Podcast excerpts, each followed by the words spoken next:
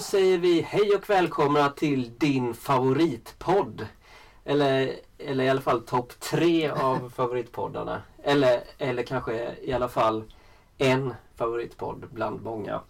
Alternativa Österpodden. Och Ja. det här är Mr G som talar och jag sitter här med Eh, vår men, gode vän Erik. ja, precis. Det är väl... Är det första gången vi spelar in här kanske?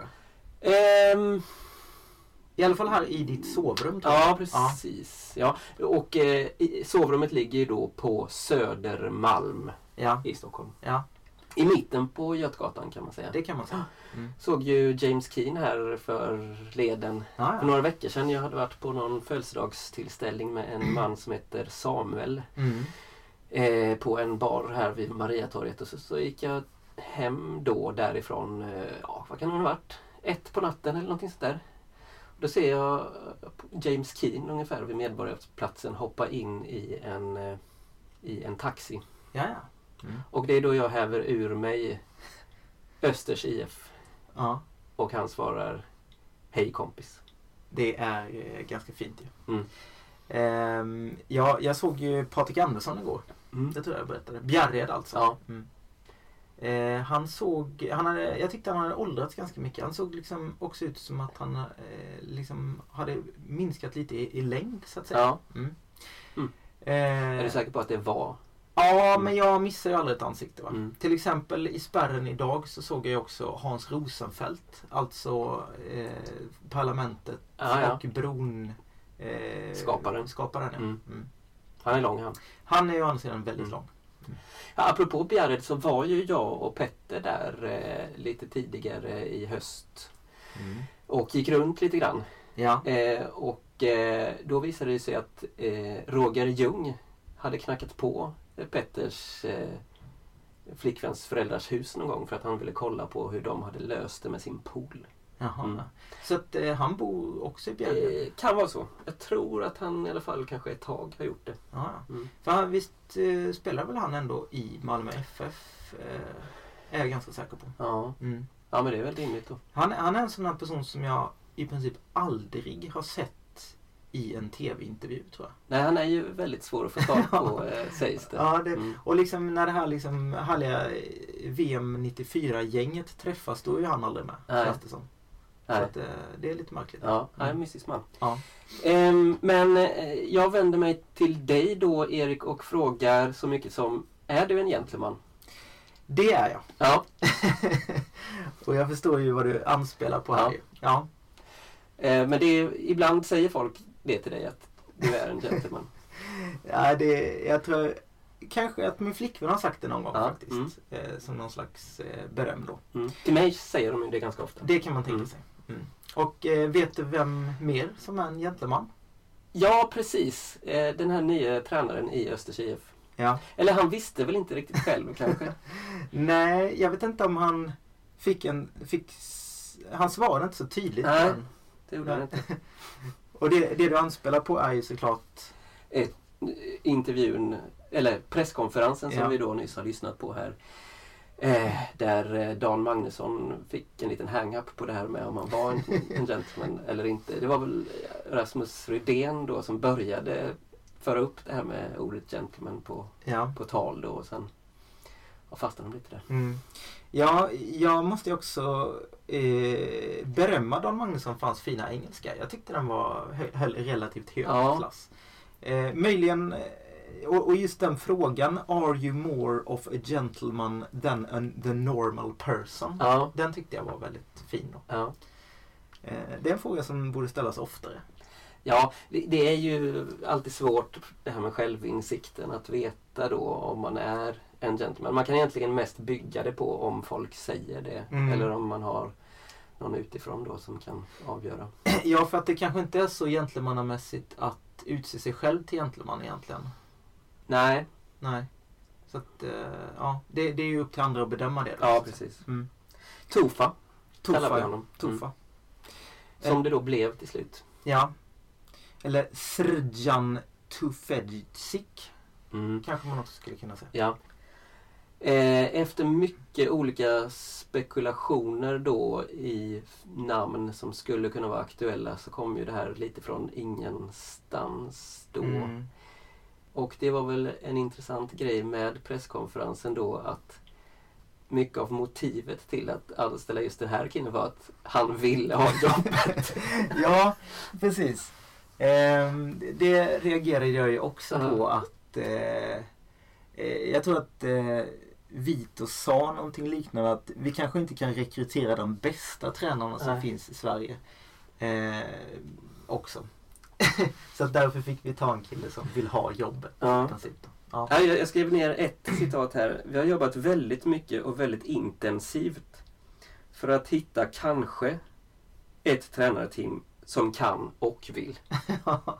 För det, det, är både, det är både två pusselbitar som ska vara på plats på något sätt. Att de, de ska kunna, ja, att de inte ska ha någonting annat för sig och de ska vilja då. precis. Och då blev det den här killen som har varit andra tränare på Island Mm. som största merit. Mm. I Valur då förvisso som är deras mest kända förening. Ja. Precis, och det, och det vi har att gå på är ju egentligen vittnesmål från Johannes Wall. Ja, Det är väl egentligen det enda vi har att gå på här. ja. och han var lyrisk. Han var lyrisk. Mm. Eh, noggrann genomgångar, kravställande och energispridande Mm. är ord som Johannes Wall väljer att beskriva Tofa med. Mm. Nej men han lät väl ganska så vettig när han eh, pratade Absolut. också. Ja. Att till exempel han inte hade något spelsystem Mm. som han eh, redan nu visste utan det skulle han prata med spelare och kollegor om. Mm. Och att Vitos motiv var också att de var ute efter en tränare som skulle vinna fotbollsmatcher. Ja. Och i brist på det i, i alla fall inte förlora fotbollsmatcher. Och det låter ju ganska bra. Ja, ändå. precis. Det är lite tvärtom om man jämför med tongångarna när Järdler Ja. eh, värvades då. Och det är ju som vi har varit inne på tidigare att det glädjer oss ändå lite att man inte liksom har för högtravande ambitioner med att spela fotboll och sådana Mm. saker så att säga. Eller Mm. liksom ha något slags vägvinnare passningsspel. För det, det har ju tyvärr visat sig många gånger i Superettan att det kanske inte är den bästa medicinen tyvärr. Mm. Men eh, även eh, alltså Johannes Wall eh, pratade ju lite vidare här. För, för precis som du sa så fick vi inte veta så mycket om vad, vilken fotboll Tofa egentligen vill spelare står för. Va? Mm. Men Johannes Wall sa ju i alla fall att i Valur så har de ju spelat en rak och snabb omställningsfotboll med eh, ett 4-3-3 system då. Mm. Mm. Och det låter ju som en ganska vägvinnande taktik i just Superettan kanske. Mm. Absolut. Sen är ju bara frågan då, är eh, liksom Östers trupp viktad för detta?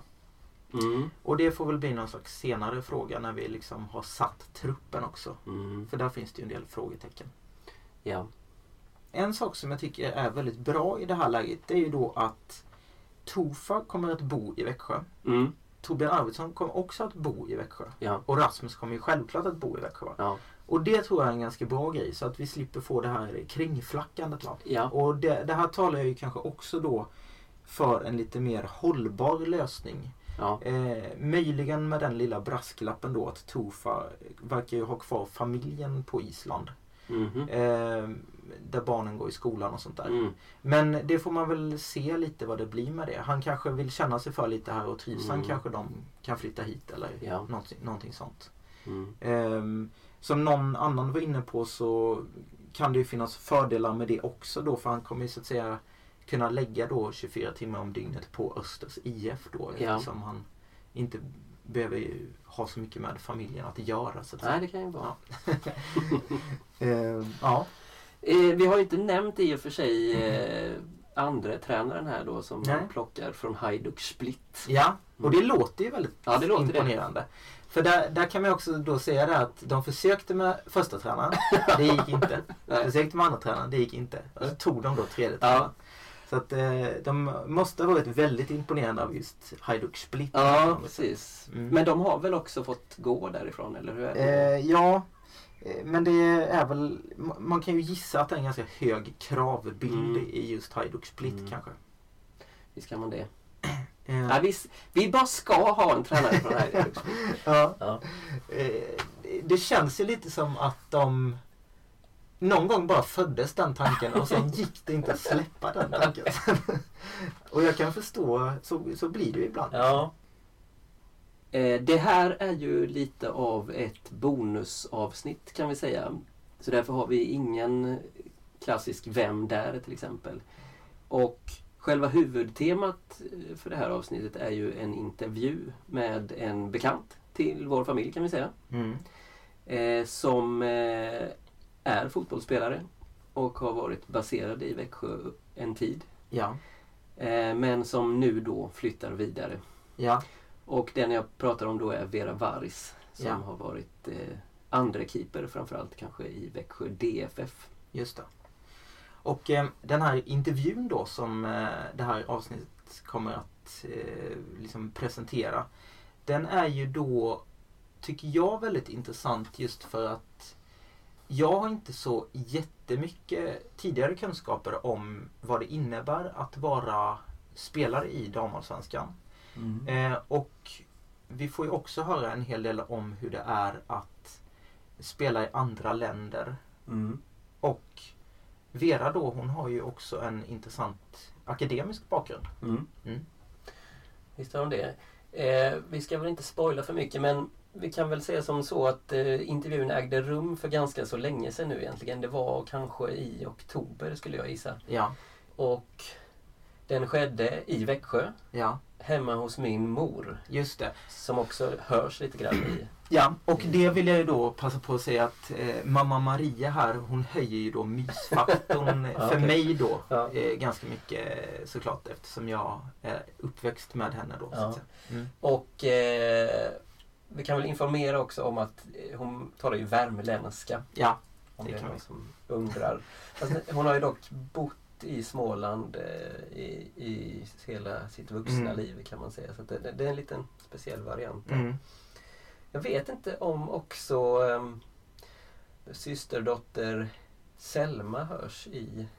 Jo, det hörs Hon lite hörs lite bakgrunden. grann ja. Mm. Eh, Ett tag fick man ju lite uppfattningen att ni spelade in det här på något fik eller liknande Mm, just mm. för att det var lite skrammel och så i bakgrunden. För det hör man ju ibland andra poddar som Mm. jag var. Mm. Men eh, det här var alltså inte fallet då.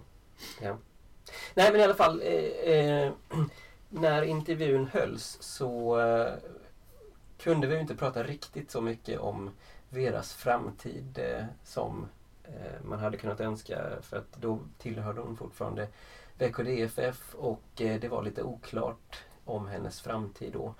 Men nu har det då blivit klart att hon lämnar Växjö för Kuopio i, Just det. fin- i östra Finland kan man säga. Mm. Och deras lag där KUPS som var finska mästare 2021 Mm. och som nog är ett väldigt bra lag att komma till inte minst för att de också spelar i Champions League då. Mm. Spännande. Det blir ju spännande. Mm. Ska vi nämna också att vi eh, tillsammans med Vera spelade petanque. Just det. Och då, då ska vi också nämna att eh, det här ordet betyder alltså boll på Just. svenska då så att säga. Ja, även om bowling också är ett franskt Ja. ord. Så. Ja. Men, eh, Men själva sporten vill jag ju ändå hävda ska kallas petanque. just det. Eh, I alla fall, vi ska väl kanske inte eh, hålla med på den här intervjun. Men vi kan väl också säga att det kommer ett ordinarie julavsnitt här då någon gång i mellandagarna. Ja, Eh, så är planerat i alla så fall. är då. planerat i alla fall. Mm. Med oss alla tre Ja, från Stenslanda. ja. Det var ju ett tag sedan sist. Så Ja. Det var ett Mm. tag sedan sist. Vi kommer att spela in lite Patreon-exklusivt material här lite tänker jag. Mm. Eh, att, och även om det är ett specialavsnitt så, så måste våra Patreons slash Patreon, jag minns inte riktigt hur många som, Ja, det är ett gäng. Det är ett gäng. Okej, Mm. ja, som eh, får höra det här då.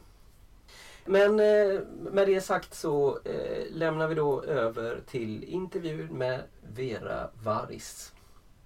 Ja. Hur uttalar man ditt efternamn? Bajs. Varis? Eller Ja. Varis? Baris. Varis. Du måste berätta vad det betyder också. Det har du berättat för mig, det var jättekul. Det betyder kråka. Just det. Mm. Är det så i Finland att man heter djurnamn? Mm, ganska ofta. Eh, det finns flera fåglar, Mm. det ska jag säga. Och sen också typ björn och rev och sånt. Ja, Ja, det finns ju flera efternamn Mm. som är... eh, vi har inte så mycket djurnamn i Sverige. Nej, vi har ju mer, som du och jag pratade om, Blomgren, eh, Forsman. Alltså vi har ju mer natur... mhm. Ja, det har vi också. Ja. Men ganska många av oss, alltså sådana namn har blivit översatt från svenska också. Ja. Så det, Eh, ja, eh, vi sitter här med Vera Varis och Maria som är Petters min mamma då va? Mhm. Och vi är vid Spetsamossen i Växjö. Hemma hos mamma Maria då. Och har precis ätit någon slags indisk gryta. Och gästen i det här poddavsnittet är ju då Vera som till vardags ett tag har spelat fotboll i Växjö DFF. Och du är ju alltså ett fotbollsproffs då kan man säga. Och det är väl egentligen första gången som ett fotbollsproffs är med i den här podden. Men hur länge är det du har varit i Växjö nu? um, två år. Två år. Vad tycker du om staden? Ja, det är ju skönt. Um, efter några år utomlands, typ i USA och sen jag bodde också i, i Malmö. Uh, så det känns nästan som att jag är tillbaka hemma i Finland, Mhm. uh, varifrån jag kommer ifrån. Men ja, det är skönt. Jag gillar staden väldigt mycket. Mm. Vilken stadsdel är det du bor i? I Växjö. Ja, Uh, Bergsnäs. Bergsnäs. Ja, så det är just det. Det är därför det är bara bastu i Bergsnäs. Exakt. Och det är så ni känner varandra. Det är så Ni vi känner varandra. Mm. Just det. Och där i närheten gick ju jag också i högstadiet. Jag känner lite till den delen av stan. Hur ofta är det ni bastar? Man kan bara en gång i veckan. Ja, nu. Uh, under coronatiden. Mm. Ja, tidigare var det två gånger. Ja, det var det kanske. Ja, första året när jag var här. Mm. Mm. Men det är, det är det här lilla huset som ligger precis vid vattendraget va? Ja, Mm, exakt. Helgå ligger precis vid. Helgå. Badar man också i den ån då eller? Ja, Ja, Ja. okej. det gör man. Mm. Men det var ju skönt. Alltså, eh, eh, klubben är ju alltså hur lägenheten var jag bor. Och, och första gången jag bara gick ut och tog lite promenad, jag var Va? Det finns bastu här! det, var, det var nästan att jag var finsk tjej, flyttade till Växjö, jag bor så direkt bredvid bastun. Ja. Ja, det var ödet. Ja, Ödets ironi. exakt. Mm. Men det är... eh, Det är en liten bit att cykla ändå till Värensvallen därifrån. Mm. Ja, en liten bit, men det är skönt. Det är skönt. det är ja, inte så långt. Typ Nej. 10 minuter. 15 Ja, max. just det. Förbi Biltema. Och, Ja, så det är nära Ja. egentligen. det är nära. Men det känns som att jag bor lite på landet här. Ja. När jag är där, alltså på andra sidan av Arenastaden, när man kollar från alltså staden. Mm. Eh, så själva centrum ligger ju det ganska är långt lite off. borta. Ja. Men, men det är skönt, jag gillar det ju väldigt Mm. mycket. Natur och sånt. Mm. Så det är fint. Mm. För du är ju uppvuxen utanför Helsingfors. Men där är det lite... Är, var, var det mer storstad där kanske ändå? Ja, kanske. Ehm, man kan inte jämföra Helsingfors så mycket med Stockholm typ. Jag Mm. tror att storleken är mer sådär Göteborgs Mm. storlek. Mhm. Helsinki är som Göteborg ungefär. Mm, så, och jag bodde lite utanför. Um, det, alltså staden kallas Vanda, men Mhm. det är nästan, alltså man märker inte skillnaden när man tar Mm. tåget från Helsingfors till Vanda. Mm. Det Mm. nästan känns som att det är förort till Ja. Mhm. Helsingfors. Men ja, liten bit utanför. Det finns mycket natur, um, natur omkring också. Så det, det är ju fint. Och nära Helsingfors, typ ja, 20 minuter med tåg Mm. till centrum. Så inte så illa. Var det en ort som det var naturligt att spela fotboll på? Ja, um, liksom här i Växjö som har alltså tipshallen och sen Världsvallen och allt. Ja. Jag bodde exakt bre- bredvid sån här fotbollshall Mhm. kan man säga. Mhm. Så genom alltså vintern jag kunde bara gå in och spelade lite och kickade runt och sånt. Så det var Aha. jättekul. Och när jag var ung det också fanns herrlag då som spelade i högsta ligan i, i Finland Mhm. i samma område. Mm. Så ja, ett par hundra meter från, alltså hemifrån. Mm. Så det var väldigt skönt. Och sen jag spelade i klubben där. Hur ung var du när du började? Ehm, jag började som sexåring, tror Mhm. jag. Mm. Och sen jag spelade lokalt tills jag var 16, så nästan 10 år. Mm.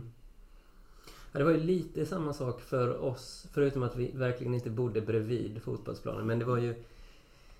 Fotboll var ju det enda som man kunde göra Mm. egentligen. Ja, det stämmer. Och pingis. Pingis ja, Mm. på vintern. Mm. Oj. Vi är verkligen uppvuxna på landet. I, I den här byn som heter Stenslanda. Som Okej. ligger söder om Växjö. På vägen till Tingsryd kan man väl kanske Ja, säga. det kan man. Så vi fick ju bli skjutsade till fotbollsträning när, när vi var unga. Mm. Och det, vad kan den ha legat? Nästan en mil bort Ja, det tror jag. planen. Ja. Mm. Eh, Okej, i alla fall. Du började där på de fina faciliteterna som låg 100 meter från där du växte upp. Ja. Höll du också på med andra sporter eller var det bara fotboll från Um, början? Jag provade på flera olika sport, alltså mest bollsport, till basket och innebandy. Ehm, men fotboll var det enda som jag verkligen spelade i lag. Mm. Ehm, så ja, så det blev, blev fotboll. Min storasyster spelade också. Och Mm. Hon var ju, eller är fem år äldre än jag. Mm. Så det var alltid att jag försökte hänga med henne också och spela och sånt. Blev hon också proffs? Nej, hon, hon fortfarande, hon spelar inte, hon har inte spelat sedan hon var 15-åring. Mhm. Men hon började coacha. Och hon, är, Ah, hon, är, och hon är fortfarande tränare i Finland. Ah, okej. Så det, det är rätt kul att vi båda fortfarande är inne i fotbollen. Mm. Ja. Och sen så spelade du där tills du var 16. Ja. Och vad hände då?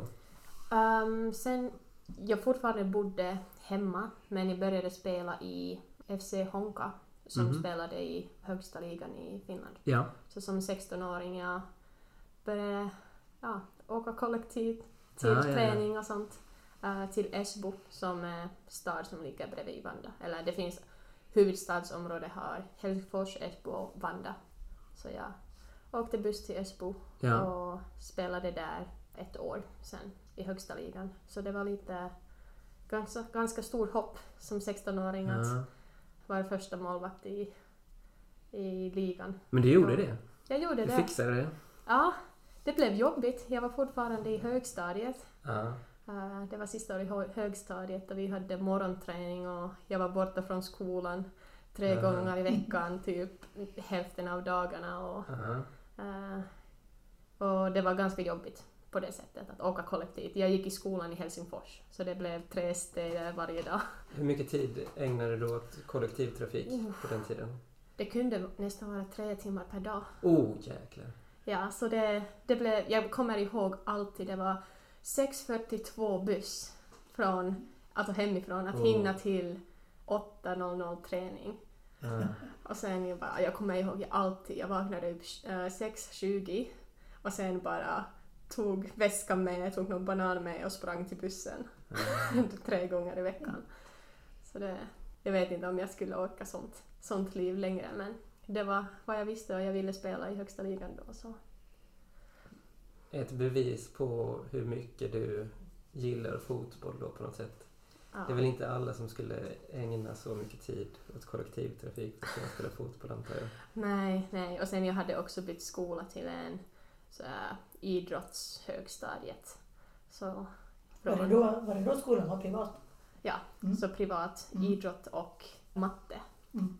eh, högstadiet. Så Mm. det var så här inträdesprov, man eh, hade prov i matte och prov i ja, alla typ fotboll och basket och att vi behövde simma och löpa och allt sånt. Och jag tror eh, ja, fjärdedel kom in till den skolan. Så det var ju skönt. Men Mm. det blev ju mycket resa, alltså resande mellan de tre städer och sånt. Mm. Men det handlade inte om att dina föräldrar skulle skjutsa dig och så då? Utan Nej, nej inte, inte då. Uh, du förklarade dig själv? nej, nej, alltså, ja, och f- i min del, alltså vi hade ingen bil då. Mm. Så det Det- var kollektivtrafik som Ja. gällde Ja. den tiden. Mm. Eh, så det var långa dagar Mm. som 16-17-åring då. Hur skulle du säga att den finska högsta ligan skiljer sig mot den svenska i kvalitet? Mm, det är svårt att säga nu. Jag har bott utomlands nu för nästan sex år. Mm. Men det är inte så...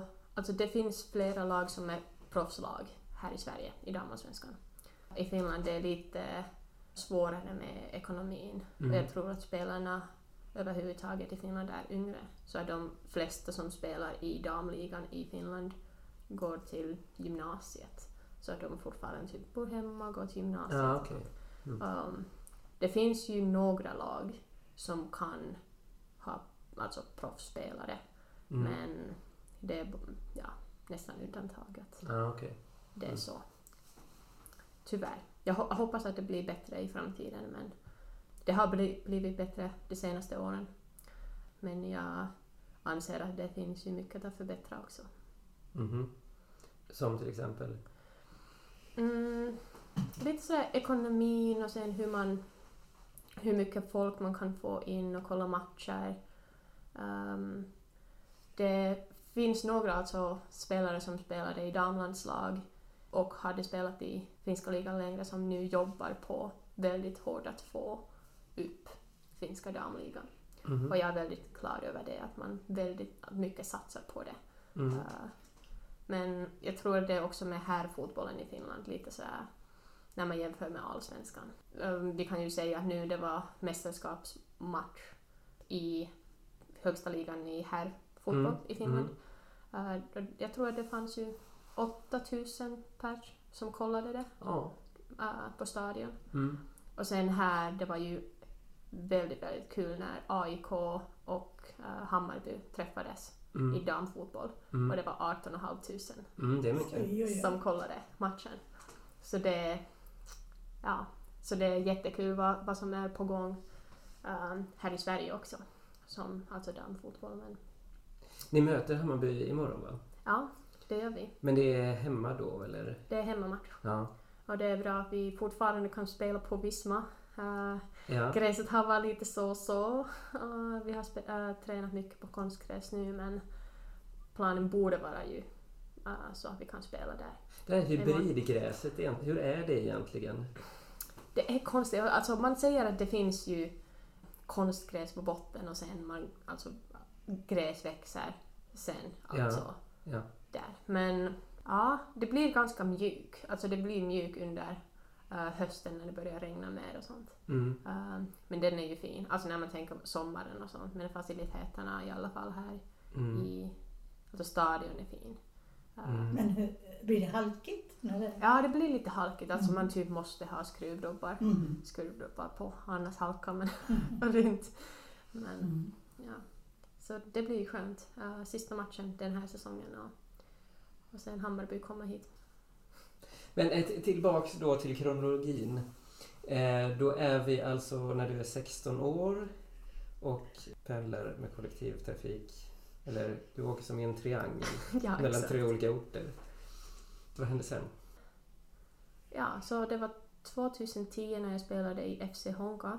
Uh, efter året jag bytte till HJK och jag också började gymnasiet då. Så Mm. det blev lite lättare. Ja. äh, med morgonträning och sånt. Så att HIK och gymnasiet fanns ju i Helsingfors. ja. Så det var bara alltså mellan Vanda och Helsingfors. Mm. Det var inte så mycket att pendla mellan de alltså tre orterna. Nu det var bara två, två stad. Mm. Mm. Um, sen jag spelade där två år. Uh, under dessa år jag också uh, Gymnasiet var ganska jobbigt på det sättet att jag började spela i ungdomslandslag och började resa med dem ganska mycket. Ah, så jag är född 94 och jag spelade med 94 och 92 Mhm. Så det blev ganska mycket resa första året i gymnasiet. Jag kommer ihåg att uh, på, under, vår, ja, under våren jag var borta nästan mer än jag var i skolan. Mm. Men det var ju kul för att jag var i idrottsgymnasiet. Liksom här i Växjö, det finns denna uh, Växjö Fria, jag tror, är så, Mm. sån att det är så här idrott och Ja, ja det är det. NIU, alltså Mm. att man kan ju träna också med skolan på morgonen. Mm. Så vi hade samma sak i Finland då. Så det blev ju kul. Uh, och efter två år bytte jag tillbaks till Honka. Jaha. ja, uh, det, det blev mycket alltså tränarbyte och sånt i HIK. Så Ah, jag, okej. jag tänkte att Honka, Honka var bra grej. Men, uh, och sen två år till i Honka innan jag flyttade utomlands. Mm. Så då hade du ändå gymnasiet klart när du begav dig utomlands. Mhm. Och trots att du eh, reste omkring så mycket med ungdomslandslag och sånt där så måste du ha haft ganska hyfsat bra betyg ändå. Ja, jag var lite galen då. Alltså, alltså, eh, det är lite annorlunda skolsystem i Finland. Jag, det skulle ta hela dagen om jag försökte förklara det. Men man måste ta typ um, högs, ja, inte så här högskoleprov, men alltså sådan, alltså sista prov i gymnasiet. Just att det. komma in i, högs, äh, högskolan. Som i Frankrike. Mm, Mm, så, ja, så man, man måste typ välja eh, vilka ämnen man vill ta det. Och Mm. den måste välja åtminstone fyra. Mm. Och sen jag kunde inte välja, jag ville ta lite språk och lite matte och lite fysik och allt möjligt. Och jag hade pluggat jättemycket så jag tog åtta prov. Så det är Det dubbelt. hade du inte behövt. Nej, det var dubbelt som jag hade behövt. Ehm, och sen på sam- samtidigt alltså spela i ligan, spela i... eh, jag hade rest upp i uh, damlandslaget då. Mm. Uh, resa med damlandslaget lite och jag var tredje målvakt med damerna. I det första damlandslaget Ja. så att säga. Ja. Ja. Uh, så jag började vara lite med dem också. Och sen att bli klar med gymnasiet samtidigt, så det blev ganska tufft. Uh, men sen jag tog lite... Uh, jag tog tre och ett halvt år i gymnasiet. Vanligtvis man tar det, alltså Ah, tre okej, år. jag. Så jag kunde, kunde göra lite, ta Mm. lite extra tid att bli klar med det. Och det blev ju bra beslut att göra det på det Mm. sättet. För sen när du åkte till USA då sedermera så studerade du på universitetsnivå där. Mhm. Var det från början då? Ja, alltså när jag blev klar med gymnasiet, jag hade ett halvår att jag, vi hade sådana inträdesprov i att komma in i universitetet. Mm. Eh, så det är inte gymnasiebetyg som betyder så mycket. Alltså då Mm. var det så. Eh, och sen jag började plugga i Helsingfors universitetet första år. Ah, okej. Jag ville gå in i alltså, läkarskola, alltså bli, bli läkare. Mhm. Eller jag tänkte på det men eh, jag tänkte att det inte kommer gå riktigt bra ihop med fotbollen. Nej. Och sen jag tänkte att "Nå, men molekylär biologi, det låter, låter skönt. Skönt. Ja, så jag, jag vet. Det är Ja, humanister där på andra sidan bordet. Så för oss är det inte så skönt kanske. ja, så jag, jag började i Helsingfors universitetet med molekylära biovetenskaper. Ja. Och jag gjorde det för ett år i Helsingfors. Och sen jag fick erbjudande att åka till USA och börja college där. Ja. Så jag var, for, jag var jag hade redan pluggat ett år. Ah, okej. Och sen jag åkte till USA. Men du fick erbjudandet för att du var bra på fotboll? Ja. eh, det var bara, vi hade träning eh, i fotbollshall någon, jag tror det var februari. Mhm. Och sen bara två man dykte upp och Aha. kom och snackade med mig efter träningen. Mm. Och var sådär, hej, eh, vi är två man från USA. Vill du flytta till Florida och börja eh, spela för oss? Mhm. Eller spela för det här laget. Jag bara, va? Vad menar du nu? Jag fattar ingenting. Vad menar du? och sen, Vilken, vilken tonåring säger nej till det? nej jag vet ja. Ja, en del säger nog nej till det. Nej men jag var lite rädd, jag måste säga. Och sen, och sen jag, jag måste få alltså detaljer. Jag vet inte ens vad ni erbjuder alltså. Jag måste ha detaljer. Och sen uh, de åkte till USA näst, nästa dag och sen jag fick lite mail och de berättade lite extra grejer om alltså skolan. Vi hade några Skype-samtal uh, och sen de betalade att jag kunde gå, alltså åka dit och besöka dem. Mm. Så jag var där vid påsklov, typ. Ja. Och sen jag bestämde mig att åka till USA och jag flyttade i juli. Mm. Så det var va, fyra månader, fem månader och sen plötsligt var jag där. Mhm. Du hade hunnit gå, åka dit och besöka först? Ja. Ja. Mm. Ja, det var mitt första gång i USA, alltså i hela mitt liv. Mm. Åkte dit, glömde blomboken i flygplanet och Aha. var in, med, utan pengar och sen jag visste inte att man behöver typ sådana adapter man kan alltså, det. alltså ladda mobilen så jag hade ingen, ingen mobil, inga pengar, alltså ingenting. Vad var du då? Var du 18? Eller hur gammal Nej, jag var lite äldre ju. Uh, jag hade just fyllt 20. 20? Ja. Mm. Jag förmodar att det var någon från colleget som ändå kom och hämtade upp dig, eller? Ja, så Ja. Det, det gick ju bra. Alltså, även utan pengar och även utan alltså, mobil. Det, det gick helt okej. men uh, och sen med allt jetlag och allt. Det var Ja. sju timmars Mm. uh, skillnad med, med tiden också. Men det var ju en erfarenhet, Ja. så måste jag säga. Spännande. Ja. Jag har ju aldrig varit i USA.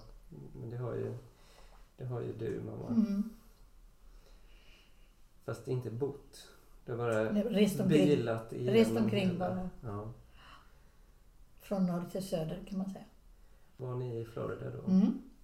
På tillbakavägen när vi kom, för vi åkte New York, Kanada och sen till västkusten, eh, Kalifornien och sen Arizona, Mexiko och sen åkte vi till Jamaica. Och sen från Jamaica åkte vi båt upp till Florida Oj, och så var vi där ett tag. Och sen åkte vi hem. när var det? När? 1980. Det gjordes, oj, sån där resa. 80-talet. Ja, ja det var jättekul. Ja, låter som. Men hur lång tid tog det? Tre månader ungefär. Tre månader? Mm. Och på den tiden så var inte USA så populärt i Sverige. Ni vet, det var, de hade ju varit med i Vietnamkriget. Och, Ja, fast det Ja, var inte inte 70-tal så. längre då? ja, men eh, alltså bland, eh, bland oss som var unga, som, ja vi tyckte inte att det var så. Men vi insåg ju att det fanns jättemycket att se i USA. Så det gick ju inte bara att åka rakt igenom. Utan man, det tog sin tid. Det var mycket att se.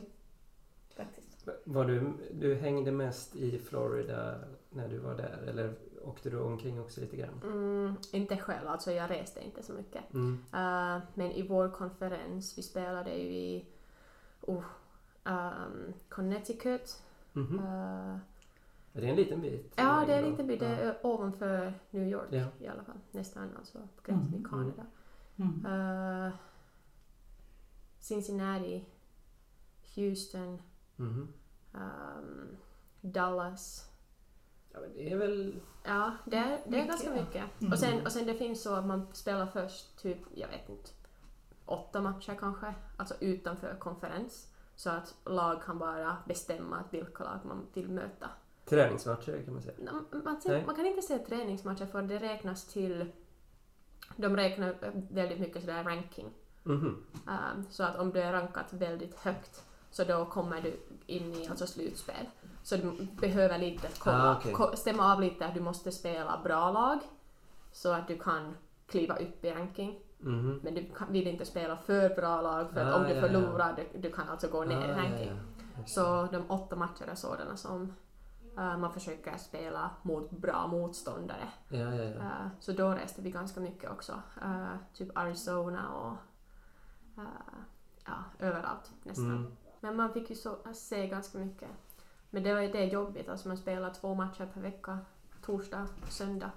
Mm. Åka vanligtvis, eller då när jag spelar nu har det bytts lite men uh, åka onsdag, spela torsdag, Mm. uh, åka direkt därifrån till nästa match uh, fredag, träna lördag, spela söndag, åka hem. Mm. Och sen varannan vecka sånt.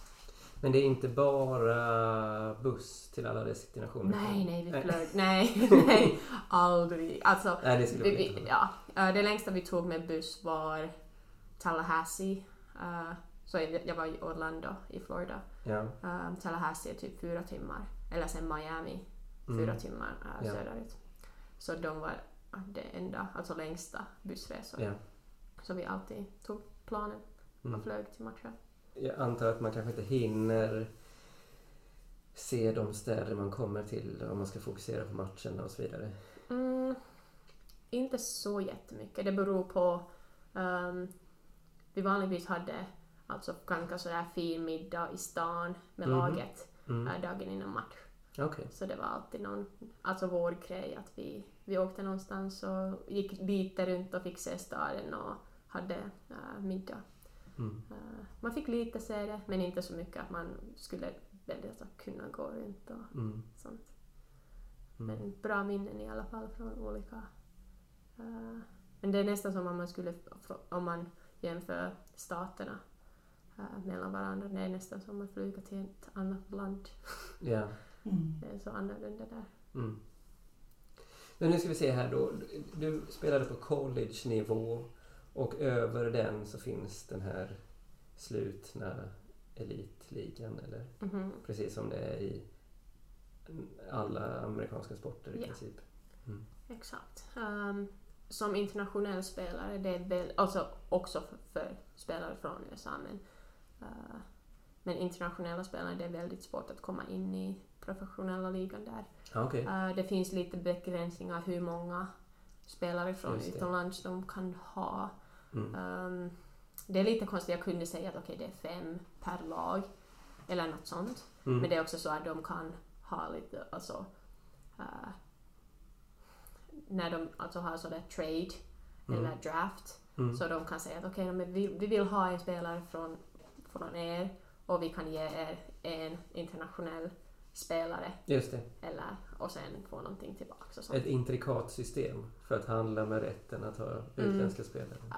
Så det, eh, man måste ju vara världsklass att spela där. Mm. Men det är kul. Alltså vi hade ju en proffslag i Orlando Mm. och det är Orlando Pride som fortfarande spelar där. Just det. Eh, så det var kul att alltså, åtminstone alltså följa med eh, hur de spelar och vad de gör. Och Jag Mhm. har flera lagkamrater som också har tränat eller spelat där. Mhm. Mest amer- amerikanska spelare som har kommit in i den ligan och spelat. Så det är väldigt kul. Kunde ju följa nära vad som händer Mm. i professionella ligan också. Vi jämförde tidigare den finska nivån och den svenska nivån. Och hur, hur skiljer sig den amerikanska från, från det vi har här? Mm. Jag, jag tycker att den amerikanska ligan är ju, jag kan säga, kanske topp tre i världen. Mm. Absolut, absolut topp tre. Mm. Eh, om man tar England och USA och sen kanske Frankrike men eh, det är bara några lag i Frankrike som är väldigt, väldigt bra. Spanien är på väg. kanske, Spanien är på väg. Okej, Tyskland är ju bra. Tyskland Tyskland, är bra Tyskland är alltid väldigt, Mm. väldigt stark och bra liga. Men alltså, ja, USA är ju topp, topp. Mm. Um, för att okej, man kan jämföra att okej, eh, svenska landslag och USA-landslag har spel, träffats nu några gånger, alltså flera gånger, men de senaste tiden att Sverige har ju spelat bra. Mm. eh, har också vunnit och sånt. Ja. Um, men flesta eh, spelare i svenska landslaget spelar utomlands. Ja. Just i typ Chelsea och, Mm. och sånt. Um, så jag skulle säga att den USA-ligan är ju, är ju bättre. Men nu efter förra säsongen, det var ju två spelare till exempel från uh, Kopparberg Göteborg som åkte till USA. Mm. Uh, Roddar och uh, en finsk spelare, uh, Kuikka, Mhm. som uh, åkte till USA och spelar ligan där. Ja. Så det är inte omöjligt som internationell spelare att spela där, men Mm. det är väldigt svårt. Mm. Men eh, hur är Orlando att bo i? Uh, eh, men alltså man kan säga alltså bara skolan var jag bodde, alltså var jag gick. eh, och jag bodde på campus Mm. där. Eh, skolan har, hade då 63 000 eh, som studerade där. Mhm. Allting är väldigt stort. Ja, så man tänker att det är nästan som eget stad, alltså Ja. bara skolan. Och den skolan ligger lite utanför staden. Har vi någon siffra på campus i Växjö? Hur många som bor Jag där? vet inte, men 63 000. vad kan Ja, det är inte 63 000. Det Eh, är Jag, tror, jag vet inte, Växjö har typ, ja va, 70 någonting tusen ja, invånare i staden. invånare i stan. Ja, och studenter, det undrar jag. Kan det vara 5-6 000 Mm. På sin höjd? Mm, så Ja. det var, och jag tror att nu för tiden det är nästan alltså 68 000 som Mm. pluggar där. Mm. Eh, så det är nästan som ett alltså stad. Mm. Eh, man har ju allt på campus och man behöver ingenting annat. Alltså. Det räcker med. Det behöver man inte på Växjö campus heller. det kan man nästan säga. Ja, det är Systembolaget finns inte där. Det är Nej. det. Det, är- det är ju väldigt speciellt i Sverige och i Finland där man, man behöver Ja, det Systembolaget. ja. Ja. Men det är, det är bra för att annars hade väl inte studenterna i Växjö sett resten av staden. Det. Är sant. Jag snackade med några som studerar där och Ah, ja, jag har varit i stan. I Systembolaget. jag var okej. men ja, men Orlando är ju, det är ju fin stad. Alltså det finns massor att göra. Eh, om man är turist, alltså faktiskt man vill gå till Disneyland och Just Disney. World och. Universal. Studios och sånt. Mm. Men det finns också mycket annat, alltså fina ställen, att- alltså eh, mat och kultur och sånt. Mhm. Så det, jag gillar ju staden, staden också. Ehm, ganska många i Florida uh, allmänt alltså gillar inte Orlando så mycket för att det ligger inte, alltså om man skulle bo i Florida man skulle vilja bo på stranden. Ja. Mm. Men Orlando ligger ju mitt i Florida, Mm. det finns Mm. ingen strand Hur lång nära. tid tar det att ta sig till vatten? Eller till havet? till havet. Det tar, vad ska jag säga, kanske en timme till Ah, okej. eh, Mm. östra kusten. Mm. Och sen om man kör till Tampa så det är två timmar. Okej. Mm. Mm. Så, Men hur bodde du där? Eh, vad hade du för typ av boende? Bodde du i centrum och mm, i eget, egen lägenhet? Eller nej, ehm, jag bodde på campus, alltså de, man säger alltså sådär dorm. ah, okej. Men Mm. ehm, vi hade ju fina, alltså vi, vi delade, vi alla hade alltså eget rum. eh, typ delade lägenhet. Mm. Och alla var lagkompisar som bodde med oss. Ah, vad kul. Så det var, ju, det var ju kul och det var oftast så att internationella spelare bodde tillsammans. Mm. Så eh, under den tid som jag bodde där, jag hade en från Finland eh, som jag bodde med, två från Brasilien, Mhm. en, två från Kanada, eh, en kom från, okej det kan jag inte säga utomlands men alltså Hawaii. en tjej. Ja, det är ganska långt dit ändå. Ja, Även om det är samma. ja, och sen en från Frankrike. Mhm. Så lärde känna till mycket, alltså olika kulturer och sånt. Ja. Så det var, det var ju skönt också. Men ganska jobbigt några gånger. Alltså när man ställer en, alltså en av mina bästa kompisar, då eh, hon eh, är brasiliansk, alltså kommer från Brasilien, så det var lite sådär kulturchock Mhm. mellan oss två. Alltså en Jaha. från Finland och en från Brasilien och hur lagar man mat och hur, ja, allt sånt. Och spelar man musik högt och dansar man runt eller sitter man tyst i rummet. Var det henne du berättade om tidigare som du var tvungen att ta, ta, ta i kragen Nej, hon- för att hon hon skulle andra. dribbla i backlinjen? Ja, ja, hon är den andra. Ah. Um, men ja, jag hade två brasilianska kompisar. Uh, inte samtidigt men... Ja, det, men vi, vi är ju bra kompisar. En uh, spelar nu hemma i Brasilien. Hon spelade i Frankrike också. Mhm. Och en ett halvår i Hammarby Ja, ja, ja. också. Så det var rätt kul. Och sen uh, Kartellen, Kat, hon spelar just nu i Inter Milan. Oh. Är de bra Uh, på ja, damsidan? um, ja, de har blivit bättre nu. Ah, okej. Mm. Uh, jag vet inte riktigt italienska ligan. Den är Nej, man hör inte om helt, den. den är helt okej, Ja. men jag tror inte att det är lika bra som damallsvenskan. Mm. Men den är ju, den är helt okej. Och nu satsar typ Juventus och Inter Milan och AC Milan och sånt. De Mm. satsar väldigt mycket på Ah, damfotboll. Mm. Och det är kul att se. Mm. Men eh, ni var väldigt olika både på och utanför planen, du och dina brasilianska kompisar. ja, Berätta mer. absolut. Nej, alltså... Um, jag bara minns sådana saker. Som målvakt, alltså jag eh, måste alltid, alltid kommunicera med backlinjen och prata med dem. Och jämfört med amerikanska spelarna jag måste uh, någon gång vara lite så försiktig hur jag säger grejerna. Mm. Men för, för brasilianska jag måste bara vara så jävla direkt, alltså säga allt som det är. Och, Mm. Eh, att du får inte dribbla, dribbla alltså alla anfallare här om du är, du är mittback Mm. och allt sånt. Uh, Men lite konstigt att de inte har lärt sig det Nej, men Före alltså, college? Eller? ja, men hon, hon är ju speciell, men hon är väldigt duktig. Hon, är väldigt, hon, spelar, ja, hon spelade i franska ligan också, i Bordeaux. Och, Ja, och sen hon spelade i brasilianska landslaget, alltså A-landslaget. Och ja, startade alla matcher i världsmästerskapet för Ja. ett par år sedan. ja. Fortfarande mittback? fortfarande mittback. Ja. Men alltså, ja.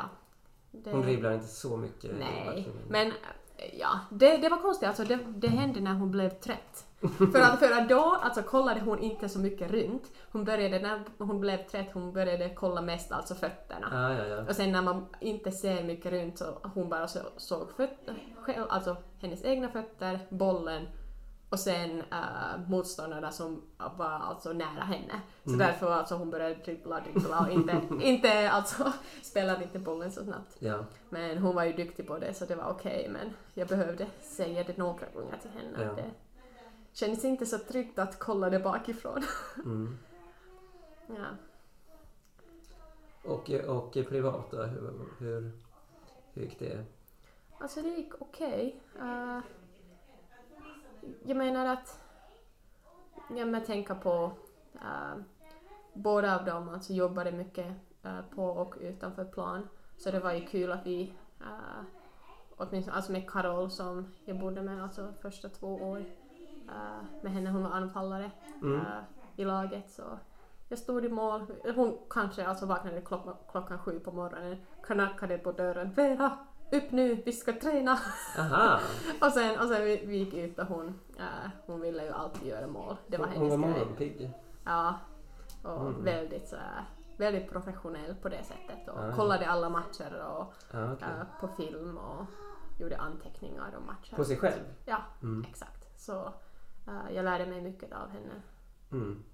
Så det att hur man väldigt, väldigt mycket alltså kan, kan lära om att kolla matcher, alltså ja, Ja. när man själv spelar och Mm. uh, hantera grejer väldigt proffsigt. Mm. Men det, ble, det, blev, det låter som att det blir, blev mycket att umgås med lagkompisarna 24 timmar om dygnet. Ja, det blev lite, alltså ganska mycket när man tänker på det. Ehm, för att man tränar ju tillsammans. Jag hade lite annorlunda ämne, alltså jag gick vid skolan med alltså just biomedicin och sånt. Ja. Så jag hade olika klasskompisar. Ja. Men i alla fall, alltså bo med dem och spela med dem och resa med dem alltid när vi har Mm. äh, resdagar. Så det, på sätt och vis det är kul men på sätt och vis det blev ganska mycket. Men det var tur att du hade studierna då kanske. ja, ja det är sant. Men de, de gick bra då förmodligen, studierna? Ja, de gick väldigt bra. Ehm, så jag fick ju kandidat, jag tog kandidatexamen där efter två och ett halvt år. Mm. Eh, jag gjorde kandidatexamen i Finland samtidigt, distans. Så Och jag, du läste dubbelt? jag läste dubbelt. Plus alla de här jobbiga resorna och så Ja, vidare? exakt. Mm. För att jag visste inte, jag visste inte om jag ville stanna, ville stanna i USA. Så det var lite Ja. sådär, "Nå, men jag åker och alltså prova på det, hur det går. Mm. Så det var, det var min tanke i början. Ja. Så jag tänkte att jag ville inte ge upp med studier i Helsingfors om jag kommer tillbaka. Jag Och vill så inte bara sluta. Tillgodoräkna dig det som du gjorde i Mm, ja, USA? I- det var, det var tanken alltså att jag kunde göra det. Men sen om man inte... Det finns lite regler att om man inte är på plats i Helsingfors, man måste efter ett tag alltså ge upp alltså studieplatsen till Ja, ah, någon det är annan. så det funkar, okej. Mm. Mm. Så, så eh, jag började också plugga eh, distanskurser till Helsingfors. Men betyder detta att du läste 200 procent eller Ja, kanske 150. 150? Ja, okej. Ja, det är lite mer mänskligt. ja. Ja. Ja, så det säger, alltså jag har ju två kandidatexamen, en från Helsingfors och en från USA. Ehm, men, eh, men jag kan inte säga att det exakt gjorde, alltså 200 procent. Mm. Så nu har det varit skönt här i Växjö för att jag har ett år bara spelat. Inte pluggat så mycket. Lite tråkigt också jag ska säga för att jag är så van vid att alltid Mm. göra någonting. Men jag har läst nu lite mer böcker och Mhm. ja, gör lite sånt. Men ja, vi får se vad, vad som händer nu i framtiden sen. Precis. Ja, vi har inte vi har bara kommit så långt som till i kronologin. Ja, har vi kommit till USA. Ja. Och sen så var ju du där i fyra år totalt. Mhm. Och sen så vände du hem. Vad berodde det på? Ja, det... Eller vände hem? Ja. Vände till Skandinavien? Skandinavien, Eller ja. Norden? Nej, men ehm, jag blev klar med studier Ja. och det är bara fyra år som man får sådär spela Ah, okej. där. Mm. För annars, ja. Det är uh, inte sådär ungdoms, men i alla fall. Ja. Uh, så länge som man studerar, man får spela Mm. i laget. Och sen jag kollade lite alternativ vart jag ville och vi fick lite erbjudande från Malmö, alltså LB07 som spelade damallsvenskan då. Ja. Och sen jag tänkte det skulle vara kul att flytta till Sverige och spela damallsvenskan. Mm. Sen jag flyttade, flyttade dit Mm. och spelade där för ett år. Det var ju, det var ju bra eh, erfarenhet på det sättet att komma, komma direkt, in och spela damallsvenskan och, Mm. och sånt. Det gick inte så jättebra med laget eh, som blev lite tråkigt och sen eh, Lite tråkigt. mm, Ja, när man tänker på först att inte spela så bra, alltså att inte få bra resultat, det är en Ja. grej. Mm. Eh, och sen vad som hände med alltså klubben senare, att eh, ekonomin, Ja. eh, att de inte har damlag kvar Mm. längre. Så det, det är synd. Det Mm. är synd. Men, men ja, efter det sen hamnade jag i Växjö. Ja. Plötsligt. Oplanerat. Men här Ja. jag är. Berätta Så- mer. Hur, hur gick det till när du hamnade oplanerat i Växjö? Nej, men det... Men jag tror att i den här branschen, alltså när man är fo- proffsfotbollsspelare, det kommer någon erbjudande från någonstans. Mm. Man har någon tanke vart, vart man vill spela eller någonting. Ja. Och sen kommer erbjudande och sen inom en vecka man har flyttat dit. Ja. Det är nästan som vad som hände med mig. Um, okej. Jag hade efter Malmöåret, uh, jag åkte till USA, uh, jag firade jul där, jag var där nästan två månader. Ja. Uh, sen åkte jag hem till min mamma till Finland bara väntade om jag hör någonting av. När, när skaffade du din agent? Mm. Hade du gjort det vid det här? Ja, det här, uh, min agent är ju, han kommer från Frankrike men han bor i uh, Miami i USA. Ja, okej. Mm. Så hon har, uh, han har bra koll med spelarna i USA Ja. som är klara med college och hjälper dem att Mhm. komma till proffsliga ligor här i Europa. Ja, okej. Och sen har bra kontakter överallt. Så, Mm. så han hjälpte mig att komma till LB några Ja. år först. Mm. Uh, och sen vi jobbade ganska mycket tillsammans att försöka hitta bra lösningar vi ska efter LB-året. Mm. Uh, men sen uh, en, an, en kompis som vi spelade med i LB hade kommit till Växjö också. Ja, okej. Mm. Och sen hon ringde mig först att hej Växjö skulle vara intresserade. Det var januari någonting. Alltså Ja. typ mitt i januari. Mm. Och sen ja, vi snackade med tränarna och sånt och det lät ju väldigt bra Mm. uh, förutsättningarna här. Och sen inom en vecka jag hade flyttat hit och skrev på två år. Men det lät bra förutsättningarna. Ja. Eh, vad grundade du det på liksom? Har du varit här och kollat hur det såg Nej, ut? Eller? Det var först, först, ja, vi hade ju spelat här Ja. med LB07 så jag Ja. hade sett ju ganska mycket. Mm. Uh, och sen snacket med tränarna och uh, en kompis som jag litar på väldigt bra. Ja, Uh, mm. Så hon hade också berättat mycket. Mm. Uh, och det är skönt alltså vintertiden träna inomhus. Och, Tipshallen ja. mm, Mm. Tipsarna det är ju det är ju skönt när man jämför med alltså, när med LB att det snöar och sen vi kan inte träna ens. och Mm. Sånt, sånt händer i, när man bor här i Nor- Norden, uppe i Sverige jämfört med Florida åtminstone. Och sen det var skönt att komma tillbaka. Okej, ja, vi snackar ju om alltså hybriden, att hur det, hur det blir, men alltså på Visma. Ja. Uh, men det var ju skönt, alltså gräsplan och det är ju, jag, jag tycker att fotboll borde spelas på gräs. Men Mm. jag vet att det är svårt här i, här i Ja. Sverige och, och Finland också. Och hybrid är lite sämre än riktigt gräs, skulle du säga? Oh, jag märker inte alltså skillnaden så mycket. Men Mm. jag tror att det tål mycket mer än Ja. ett riktigt gräs. Mm. Så därför är det kanske bra. Alltså den är färdig lite tidigare än gräsmattor. Mm. Ja. Så därför det, jag tror att det är en bra lösning här Mm. i Sverige att ha hybridgräs. Ja. Ja, Okej, så det var liksom det som gjorde att du valde Växjö och då skrev du på för två år helt enkelt. Mhm. Och hur var första säsongen? Uh, det var okej. Lite... ehm, men det var ju bra. Alltså jag tycker att det var, det var skönt att eh, vi kunde vända. Alltså första delen av säsongen var ju tuff. Alltså Mm. vi fick inte riktigt resultat och sånt. Mm. Vi, men det var väldigt bra. Vi kunde vända det. Mm. Och sen, men det var, det var, när jag säger att det var lite konstigt för att uh, försäsong var typ sex månader eller någonting. Ja. Eh, på grund av corona Mm. det året. Mm. På grund av corona vi kunde inte ens börja spela matcher tills juni, juli eller ja. någonting. Mm. Um, så det var jobbigt för säsong för att det tog sex månader nästan Mm. utan matcher. Mm. Och det var inte så att man hade bestämt att då börjar man spela. Nej, det var nästan alltid så att vi spelar om två veckor Ja. och sen det bli, blev inställd. Mm. Och sen igen, ah vi spelar om två veckor. Uh, så det var jobbigt på det sättet att vi bara tränade, tränade, tränade utan att spela.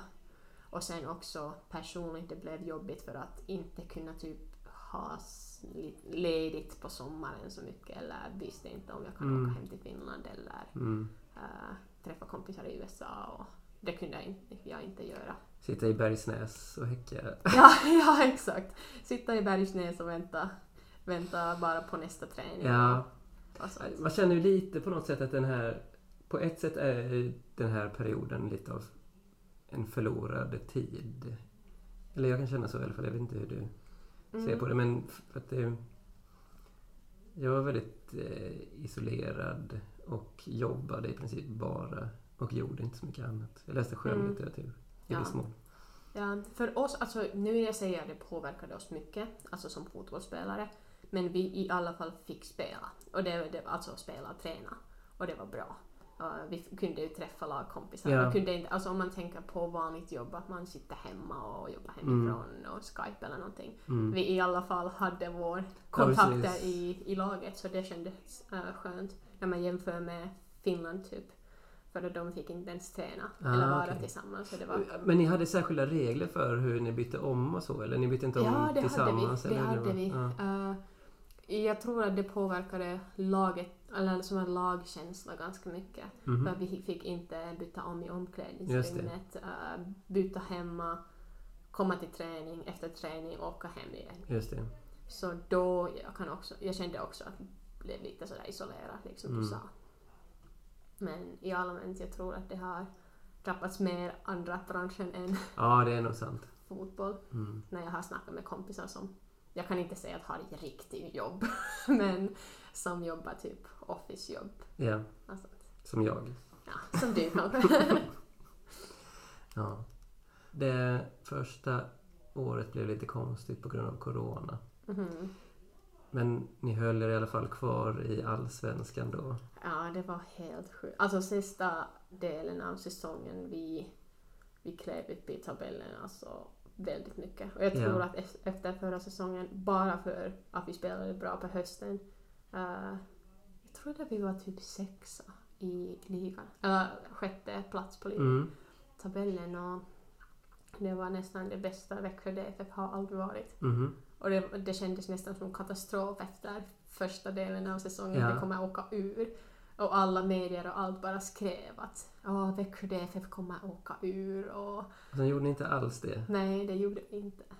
Men sen annan story nu det här säsongen. Ja, precis. Ehm, några viktiga spelare försvann och så Mm. till större lag. Ja, det gjorde det. Det drabbades oss ganska mycket när...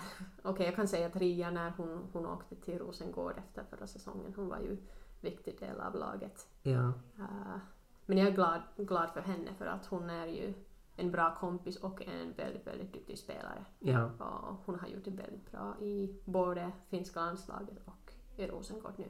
Eh, men ja, och sen på något sätt, alltså vi bara kunde inte få pusselbitar ihop att spela bra tillsammans. mm. Eh, tyvärr. Alltså jag gillar laget, jag gillar tjejerna. Liksom jag har redan sagt, jag gillar Växjö. Så det är väldigt synd att det hände med, med laget nu. Mm. Ja, vi får hoppas att det blir en eh, kort sejour i ettan. Mhm. Eh, Ja, men det är spännande vad som, vad som går, alltså vad händer kring alltså Växjö. Det är spännande att se hur det går. Alltså kommer ny tränare, ny sportchef och Mm. fortfarande alltså ekonomin, låt, alltså jag vet inte, jag jobbar inte, inte där. Men alltså som spelare, det, det låter som att ekonomin och allt sånt är ju väldigt stabil när man jämför med all, Ja. andra lag. Och, och sen klubben har ju höga ambitioner Mm. att åka, åka alltså ja, komma tillbaks till damallsvenskan uh, och sen väldigt sådär etablerad i damallsvenskan Mm. uh, nästa, nästa åren efter. Så säger väl de flesta klubbarna att de har en sån vision. Men det är inte alla som... Det är inte alltid det låter så trovärdigt kanske men eh, möjligen att det gör det med Växjö DFF. Nej, jag hoppas det. Uh, för att det, det är synd för att jag tycker att, jag, jag har sagt flera, sagt flera gånger, förutsättningarna är bara om man tänker på alltså Tipshallen, Visma, Mm. HPC, alltså uh, High Performance Center. Jag känner inte till det så mycket. Kan Aha, vi stanna lite där? Okej, vi stannar lite där. Uh, det är alltså High Performance Center är Alltså man får fysträning därifrån. Alltså Ja. det, har, det har alltså väldigt bra gym där och Mm. fystränare som uh, är väldigt duktiga på vad de gör. Och de är, jobbar med laget om laget alltså uh, skriver på avtal med dem och Ah, okej. uh, så. Så deras intresse är att göra spelare bättre och lag bättre. Inte så, alltså, så att få individuella program och få alltså fysträning därifrån och Mm. tester och allt. Så det, Men är det, det är bara för fotboll eller? nej, jag vet, jag vet inte hur riktigt alltså avtal och bla bla bla, alltså sånt. Mm. Men, eh, men det är nästan bara typ proffsidrottare som är där. Eller så att, De här diskuskastarna, är de där? Ja, de är där. Ah, okej. ja. Mm. Diskuskastarna. eh, man, man ser alltså Vipers, Lakers Ja. eh, där. Mm. Och, ja, och sen uh, friidrottare ganska, ganska ofta. Ah, ja. Så det, Så det, det är det som bidrar till att många säger att det är så bra faciliteter för fotbollsspelare i Växjö? mm, Ah, ja. ja, jag tror det. Alltså det är en stor pusselbit där också. Mm. För att det har varit en viktig del och sen när jag såg det, jag var helt alltså mindblown. När jag, när jag såg hur det... Men vad skiljer det här från ett vanligt gym då? För mig som lekman. Okej, det är ganska mycket alltså fri ute, man kan ju alltså springa. Det är inte så att man har maskiner. Det är Mm. väldigt så att man har bara uh, skivstångar, ute att springa, hoppa, testfaciliteter, man tar alltså laktattest eh, på uh, löpmattan. Vadå, vad är laktat? Laktattest, alltså att man, man springer, jag vet inte hur många minuter typ två, tre, ja. Nå- några minuter man äh, springer och sen man tar blodtest med laktat, att hur my- mycket mjölksyra man har Ah, okej. i blodet. Ja, ja, Och, ja. Okej. och sen, så Mm. man får väldigt individuella program att hur man borde lö- äh, löpa eller göra konditionsträning för att man Aha, vet att var ligger tröskeln Ja, ja. att Mm. äh, laktat eller mjölksyra kommer Mm. i kroppen. Och sådana saker. Och Mm. På det sättet känns det väldigt, väldigt proffsigt. Och, och sen också att äh, Växjö har universitet här. Så det är synd att inte så många svenska fotbollsspelare vill alltså flytta till Växjö att plugga och spela här. Jag tror att det, ehm, det skulle vara bra möjlighet för svenskarna också att komma hit men vi är ju flera utländska spelare. Inte flera än svenskarna men flera Mm. utländska spelare än i många lag i damallsvenskan. Mm. Kanske på, på grund av att svenskarna inte vill, jag vet inte, inte vill flytta till Växjö. Är det så? Ja, det är lite vad jag har hört och det är synd om det är, om det är sant. Mhm. Uh, men nästan alla svenskarna som vi har är om, alltså härifrån. Ja, precis. inte, inte exakt från Växjö Mm. men alltså omkring. Ja, men det är väl rimligt på något sätt att, att om man kommer från Sverige så kanske man har en, en annan region där man känner sig mer hemma och vill spela där. Ja. Mhm. Så, men jag hoppas att Uh, Växjö DFF kommer upp, i, upp till damallsvenskan direkt efter ett år och att det går, kommer gå bra med klubben och allt. Mm. Hoppas det. För att jag tror, alltså jag är 100% säker, det finns potential. Ja. Men jag vet inte hur man kan utnyttja det. Ja, och eh, din framtid i den här staden är ett frågetecken kring då. Ditt Ja. kontrakt går ut nu. Mm, ja. Eh, det går ut nu. Det är fortfarande frågetecken, lite diskussioner här och där. Eh, vet inte riktigt. Vi fortfarande har alltså säsong kvar. Eh, jag har redan sagt att jag vill nu, för att jag har mina bästa kompisar här i Växjö. Jag trivs här, jag har haft väldigt kul med tjejerna. Mm. Så eh, nu när säsongen är fortfarande på gång, jag vill bara fokusera på det och njuta av ja, deras sällskap Ja. ehm, nu imorgon och, och sen efter säsongen det vi fortfarande tränar lite, Mm. uh, gör lite, kör lite tester, vi vet var vi ligger för uh, fysträning under uppehållen Mm. uh, eller ledigheterna vi har och ehm, sen får vi se. Ehm, så det är ja, lite frågetecken nu. Uh, tyvärr, det skulle vara kul att ha allt på ordning och veta men Ja. spännande också. Men om du fick eh, om du fick välja eller önska vad som skulle hända i ditt liv. Vad skulle det Mm. vara då? Oj, stor fråga. Ja, det- Ehm, ja, jag önskar att jag kan hitta något ställe var jag trivs. Alltså så att jag trivs i stan. Att mm. jag, hittar, alltså jag är i något ställe var jag trivs i laget. Mm. Ehm, får spela. Jag har Mm. inte spelat, fått spela så jättemycket nu. Mm. Um, få lite mer självförtroende på det sättet också. Att få bra matcher och sånt. Mm. Ehm, och sen, jag fortfarande känner att jag har ganska mycket att utvecklas som fotbollsspelare. Mm. Jag tror att uh, ja, någon ställe där jag kan utmana mig själv också.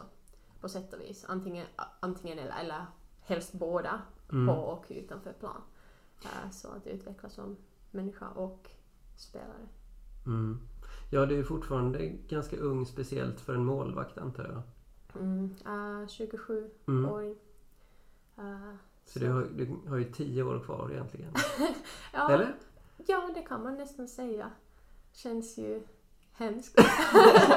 Nej, men alltså ja, jag, tror, jag vill ju spela så länge som kroppen bara alltså, Ja. känns bra och sånt. Ja. Och förstås alltså, äh, att det känns min grej men jag tror inte att jag kommer, äh, kommer sluta spela i, i länge. Om jag bara alltså fortfarande gillar kroppen säger att det är okej. Mm. Äh, men alltså Katie som spelar i vårt lag, hon är äh, målvakten. Mm. Ja, 33 år. Men vad är det som är så fascinerande med fotboll? Oh, det... För Alltså, mig... vad, vad är det som du liksom, du säger att du vill vara kvar så länge det bara går. Vad är det som är, vad är det som drar på något sätt? Oj. eh, jag tror att för mig det är några saker. En grej är att jag bara alltså, jag vill vara med bollen. Alltså, om, när jag var ung, jag bara tog bollen och gick, gick ut och kickade lite runt och, eh, och sånt. Det är en grej att jag gillar bara vara med bollen. Jag vet inte hur det är så fascinerande men det är Nej. jättekul. Mm. Eh, och sen också det lagsammanhang. Alltså att Mm. Mm. man alltid säger att uh, idrottare är alltså typ lite sådär bubbel. Men i all, alltså lite sådär i alltså, idrottsvärlden att leva i en liten bubbel och Ja, alla, alla är typ Mm. sam, alltså likadana människor. Mm. Mm. Men jag tycker inte att det är sant. Men jag tycker att man träffar ju olika människor från eh, olika åldrar. Alltså vi har i vårt lag från Mm. 30 plus åringar till eh, typ 16-åringar. Mm. Och att hur man eh, samverkar tillsammans och spelar fotboll tillsammans och atmosfären i omklädningsrummet och, och sånt. Mm. Så det, det Många olika kul. nationaliteter också. Nationaliteter, allt sånt. Så det, det är väldigt kul tycker jag. Och, jag. och sen förstås alltså matcher och det är mycket känslor i matcher och spänning och allt sånt. Så jag, Mm. jag vet inte, jag har inte hittat något annan grej hur jag kan känna allt det Mm. som fotboll kan ge. Mm. Mm. Så det, jag tycker att det är kanske det viktigaste i fotbollen, för mig åtminstone. Du gillar bollen. Vad var det som gjorde att du blev just målvakt? Oh. Var du det från början eller växte Mm. det fram? Ja, det var jag från början. Äh, Min syster var också målvakt och det påverkade Ah, okej. mig Mm. väldigt mycket. Då när jag var ung. Äh, Hon började träna mig när jag var kanske fyra år. Ja, ja. femåring. Uh, ja, sparka bollen och alltså ja, sparka bara bollar åt mig och jag kommer ihåg började gråta någon gång, alltså bollen träffade typ huvudet Mhm. eller näsan eller någonting. Hon är ju, ja, liksom, jag sa- jag har sagt att alltså fem år äldre. Mm. Som jag var typ fyraåring, hon, hon var nio. Mm. Uh, och sen var nej du kan inte gråta alltså bollen, i matchen, bollen kan komma, komma så hårt som möjligt. Det blev härdad det där liksom. Ja, Ja. men det, jag tycker det var, jag, jag ville vara sådär tuff och Ja. visa henne att jag också kan. Um, men nu för tiden, jag gillar det, en, delvis det är väldigt sådär individidrott, alltså man har en liten grupp inom en större grupp. Så målvakter jobbar ju väldigt, in, alltså individträning med målvaktstränare. Uh, men sen, uh, man är fortfarande del av större, Mm. alltså fotbollslag. ja. Så lite mer individualist än en utespelare? Ja, lite. Mm. Och sen det är alltså mångsidigt. Man kan göra med händer, man kan göra med fötter. Ja, Så det är också en sak som jag gillar. målvaktspositionen går väl mot att målvakterna ska vara lika bra med fötterna som utespelarna fast också vara bra målvakter. Mm, det är sant. Men det gillar jag. Det är min styrka att spela med fötter. Ja. Det är jättekul, tycker Mm. jag. Du eh, nämnde också lite det att du kanske, även om du inte kan spela själv, skulle vilja på något sätt vara tränare. Mm. Det är en sak som jag har tänkt på. Eh, jag har inte tagit ny tränarutbildning. Jag tänkte att ta det här, här i Växjö men eh, det blev ju inget just nu. Eh, Mm. Jag har varit i tränare i något sånt här fotbollsläger för ungdomar och sånt men Mm. kanske i framtiden. Det skulle vara jättekul. Jag vet inte riktigt om jag skulle vilja vara målvaktstränare eller huvudtränare i lag men Mm. jag tror att jag ville, ville vara tränare för, för ungdomar, inte, kanske inte så här damlag. Mm. Men vi får se hur det går i framtiden. Ja, får vi se. Men då är frågan, hur går det med biokemin? Uh, eh, det går helt okej. Eh, faktiskt, jag har lite börjat kolla, för nu jag har inte gjort någonting i ett år, så jag har lite börjat kolla på vad jag kunde göra och något. Eh, jag har ju eh, tagit magisterexamen, så Mm. nästa skulle vara doktorand, men det, Mm. går, det skulle vara alldeles för svårt med fotbollen. Ja, det är så ändå. Nja, jag tror det. Kan man Men- inte göra en skräddarsydd variant så du slipper ha så mycket undervisning och så? Mm, jag tror att om jag hamnar i någon ställe var jag kan eh, jobba lite. eh, Mm. jag skulle söka jobb i laboratoriet Mm. eh, och sen göra lite forskning vid sidan om fotboll. Ja. Det skulle vara rätt kul. Som om en jag skulle- hobby. Ja, som, ja det, det är lite, lite tvärt... Ja, ja, det, det, ja, jag har jobbat lite i Helsingfors universitetet innan och jag säger att ja, jag spelar fotboll som arbete men Ja. eh, det här är lite sådär hobby som jag gör den här biokemin. Det är tvärtom, normalt. Ja, exakt. Exakt. Så det, ja, det är lite konstig kombination men jag tror att det kan ju funka om jag hittar något ställe där jag kan göra båda. Men, Ja. Men då måste man kanske vara i en lite större stad då för att Mm. hitta bra labb antar jag. ja, eller sen, jag har också tänkt att eh, börja med bioinformatik och det kan man göra med distansstudier. Vad är det? Eh, det är bara alltså dataanalys med typ när man får provresultat eller någonting.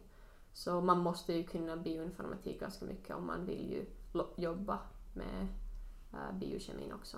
För nu för tiden allt är bara datorn, datorn, Ja, ja, ja. datorn och programmering och sånt. Just det.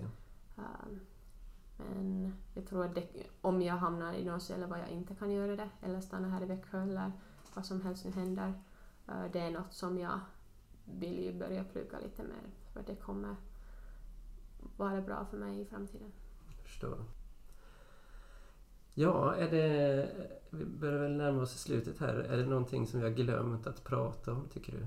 Som vi borde... Ah, nej, jag tror det var ju ganska mycket snack om, om mig själv och min karriär och vi gick igenom från, redan från början Ja, vad som hänt och sånt. Så det var kul. Alltså, alltså minnas de där gamla, gamla tiderna. ja I, I Finland och Helsingfors. Och för fem år sedan. Alltså. Ja, nej men alltså också, också det, alltså sätta lite i perspektiv,